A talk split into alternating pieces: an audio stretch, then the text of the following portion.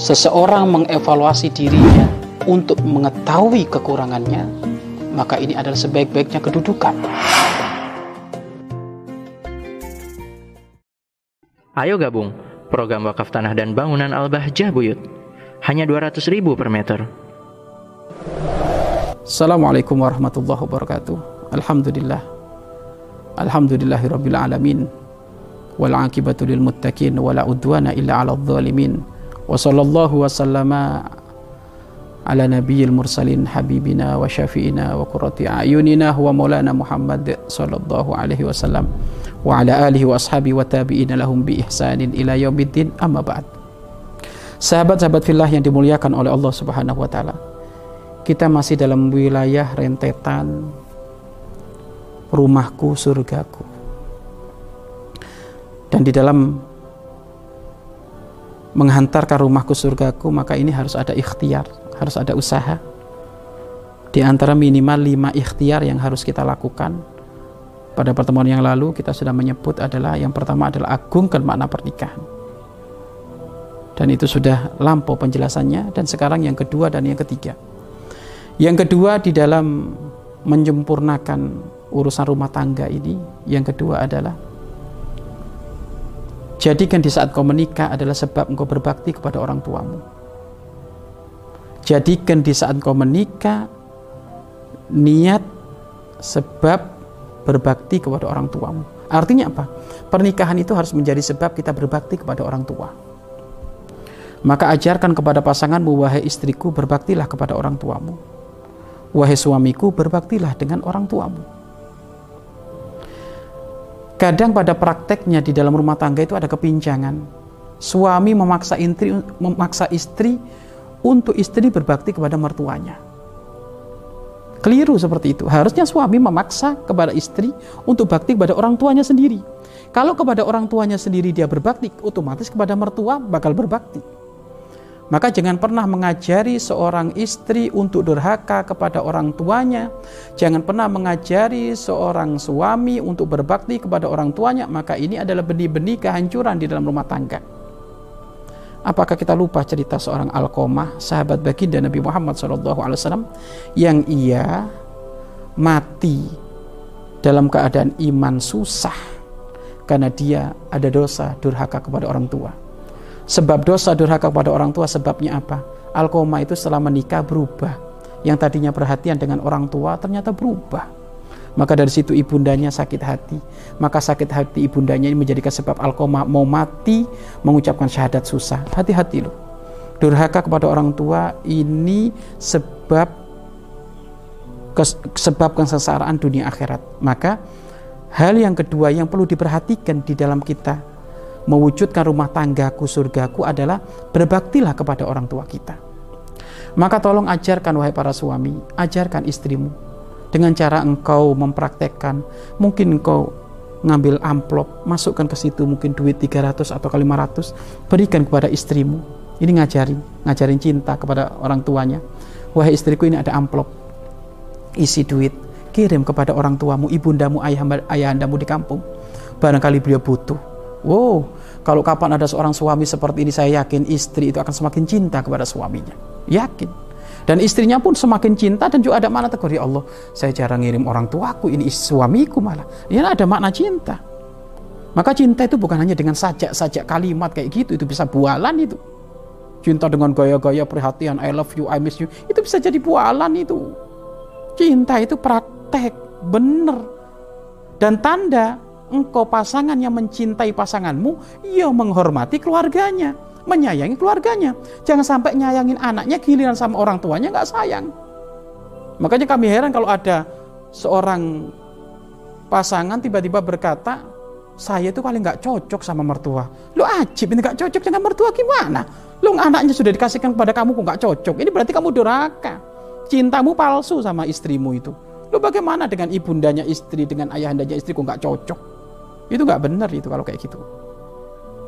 Ada ada diskriminasi dalam urusan cinta. Cinta itu kan otomatis kalau saudara mencintai istri, otomatis mencintai siapa yang menjadikan istri ada di di jagat raya ini melalui rahim siapa ibundanya ya harus dicintai dong Nah ini maka ajarkan seorang suami sewaktu-waktu kamu ajarkan kepada dia untuk ngasih hadiah.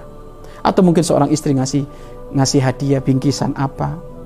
Abang, Mas, ini buat kamu. Loh kok buat saya? Maksudnya buat keluargamu di rumah.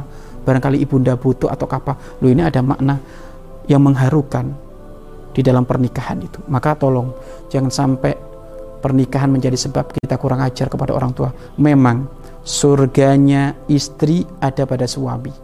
Tapi bukan berarti istri tidak boleh berbakti dengan orang tuanya. Makanya suami yang cerdas adalah suami yang senantiasa membuka, membuka pintu, memberi izin dengan sejuta izin jika itu istrinya mau berurusan dengan orang tuanya. Sok intimu apa saja, nggak izin pun nggak masalah kalau urusan dengan orang tuamu. Ada seseorang itu ter, tersandra dengan hadis baginda Nabi Muhammad SAW bahwasanya ada seorang seorang istri nurut patuh kepada suami tidak boleh keluar rumah. Kemudian orang tuanya meninggal dan istri-istri tersebut anaknya nggak sempat kunjung ke sana karena dilarang oleh oleh suaminya untuk keluar rumah. Sehingga alhamdulillah ayahandanya ibundanya yang mati saat itu yang nggak sempat dijenguk oleh anaknya karena berbakti kepada suaminya menjadi sebab menjadi sebab orang tuanya dimasukkan surga. Lo ini di, dijadikan sandrahan tapi prakteknya beda sehingga enak seorang suami menghakimi awas loh itu hadis loh. Coba itu. Itu hadis menunjukkan kalau inti patuh dengan suami surga. Walaupun ibu mau mati inti nggak perlu keluar. Lo kok dijadikan hakim kayak gitu? Itu hal yang keliru.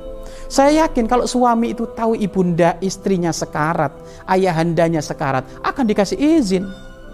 Akan dikasih izin. Maka jangan sampai hadis ini dipelintir maknanya Bukan seperti itu. Maknanya adalah bakti kepada suami iya penting, tetapi bukan berarti suami tadi melarang untuk tidak berbakti kepada orang tuanya. Enggak itu keliru. Hal yang hal yang yang tidak benar seperti itu. Maka hal utama yang kedua untuk menjalin rumah tanggamu surgamu adalah jadikan engkau berumah tangga ini sebab engkau berbakti kepada orang tua. Maka semuanya punya porsi masing-masing untuk mengerawat orang tuanya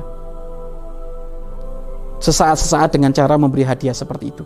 Dan tolong jangan sampai ada Masya Allah, ada seorang istri jika dikunjungi mertuanya itu cemberut. Wah ini istri ahli neraka. Atau ada seorang seorang suami jika dikunjungi mertuanya itu cemberut. Loh, ibunda ayahanda istrinya datang kok ternyata suaminya cemberut. Ini ahli neraka ini. Atau di saat suaminya ngirim duit ke kampung, ke ibunya yang ada di kampung, tiba-tiba istrinya marah. Loh ini istri ahli neraka. Lu ngirim duit-duitnya sendiri kok dikirim kepada orang tuanya di kampung yang perlu. Lu kok marah istri? Lu ini istri ahli neraka. Atau sebaliknya, istri lagi berbakti kepada orang tua kok suami marah. Lu ini nggak benar. Maka tolong agar supaya rumah tanggamu menjadi surga di dalam rumah tanggamu, maka jadikan pernikahanmu adalah sebab engkau berbakti kepada orang tua. Orang tua nomor satu tetap kita harus mengayomi, berbakti dengan beliau. Baik itu yang kedua adalah berbakti kepada orang tua. Adapun yang ketiga, yang ketiga di dalam menjalin satu rumah tangga agar berwujud surga, harmonis sakinah, mawaddah warahmah. Yang ketiga adalah biasakan minta maaf jika ada kesalahan. Walaupun gak ada kesalahan pun biasakan minta maaf. Wahai seorang istri, mungkin ada kesalahan kepada suamimu, tetapi engkau memberikan contoh untuk minta maaf terlebih dahulu maka nggak apa-apa. Yang salah suaminya, tapi yang minta maaf istri, kemuliaan. Atau yang salah istri, suami minta maaf. Ini ajib ini, akhlak adab yang mulia. Karena jangan sampai ada ada satu satu sifat yang jelek, saya akan minta maaf kalau saya salah. Ini bahaya. Kalau saya minta maaf kalau saya salah, ini repot. Kenapa? Banyak orang tidak pernah merasa bersalah. Banyak orang tidak pernah merasa bersalah sehingga minta maaf susah. Maka di dalam rumah tangga tidak boleh kayak gitu. Mungkin sekali dalam rumah tangga itu ada permasalahan, cekcok. Kadang urusan-urusan sepele cekcok. Tapi tolong budayakan meminta maaf. Budayakan meminta ma maaf. Kenapa? Karena kalimat maaf itu kalimat ikrar untuk tidak mengulangi lagi. Jangan dibiasakan kalau mau akur ya asal-asal akur. Itu enggak harus ada kalimat maaf. Afan, mohon maaf, I'm sorry atau ke apa. Ini harus. Kenapa? Karena itu akan menjadi ikrar dan sisi lain tidak boleh ada dendam. Tidak boleh ada dendam. Kalau ternyata pasanganmu ada seorang istri di saatnya telika baju suami tiba-tiba kok sampai gosong kayak gitu. Kalau sudah minta maaf ya sudah dimaafkan, nggak perlu sampai marah-marah. Tapi ada seorang itu memang nasib ya. Di saat memulai minta maaf yang salah istrinya, suaminya minta maaf, tiba-tiba bukan disambut malah dikatakan jangan diulangi lagi ya. Lah itu nasib kayak gitu itu. Tapi budayakan kalimat minta maaf ini penting ya. Karena pasti di dalam rumah tangga kita pasti ada permasalahan. Budayakan minta maaf. Dan kalau minta maaf jangan nunggu salah. Biasakan minta maaf. Minta maaf. Maka dengan hal ini rumah tanggamu akan menjadi rumah tangga yang menuju surga Allah Subhanahu wa taala. Wallahu a'lam bishawab. Mari berinfak untuk operasional lembaga pengembangan dakwah Bahjah Buyut.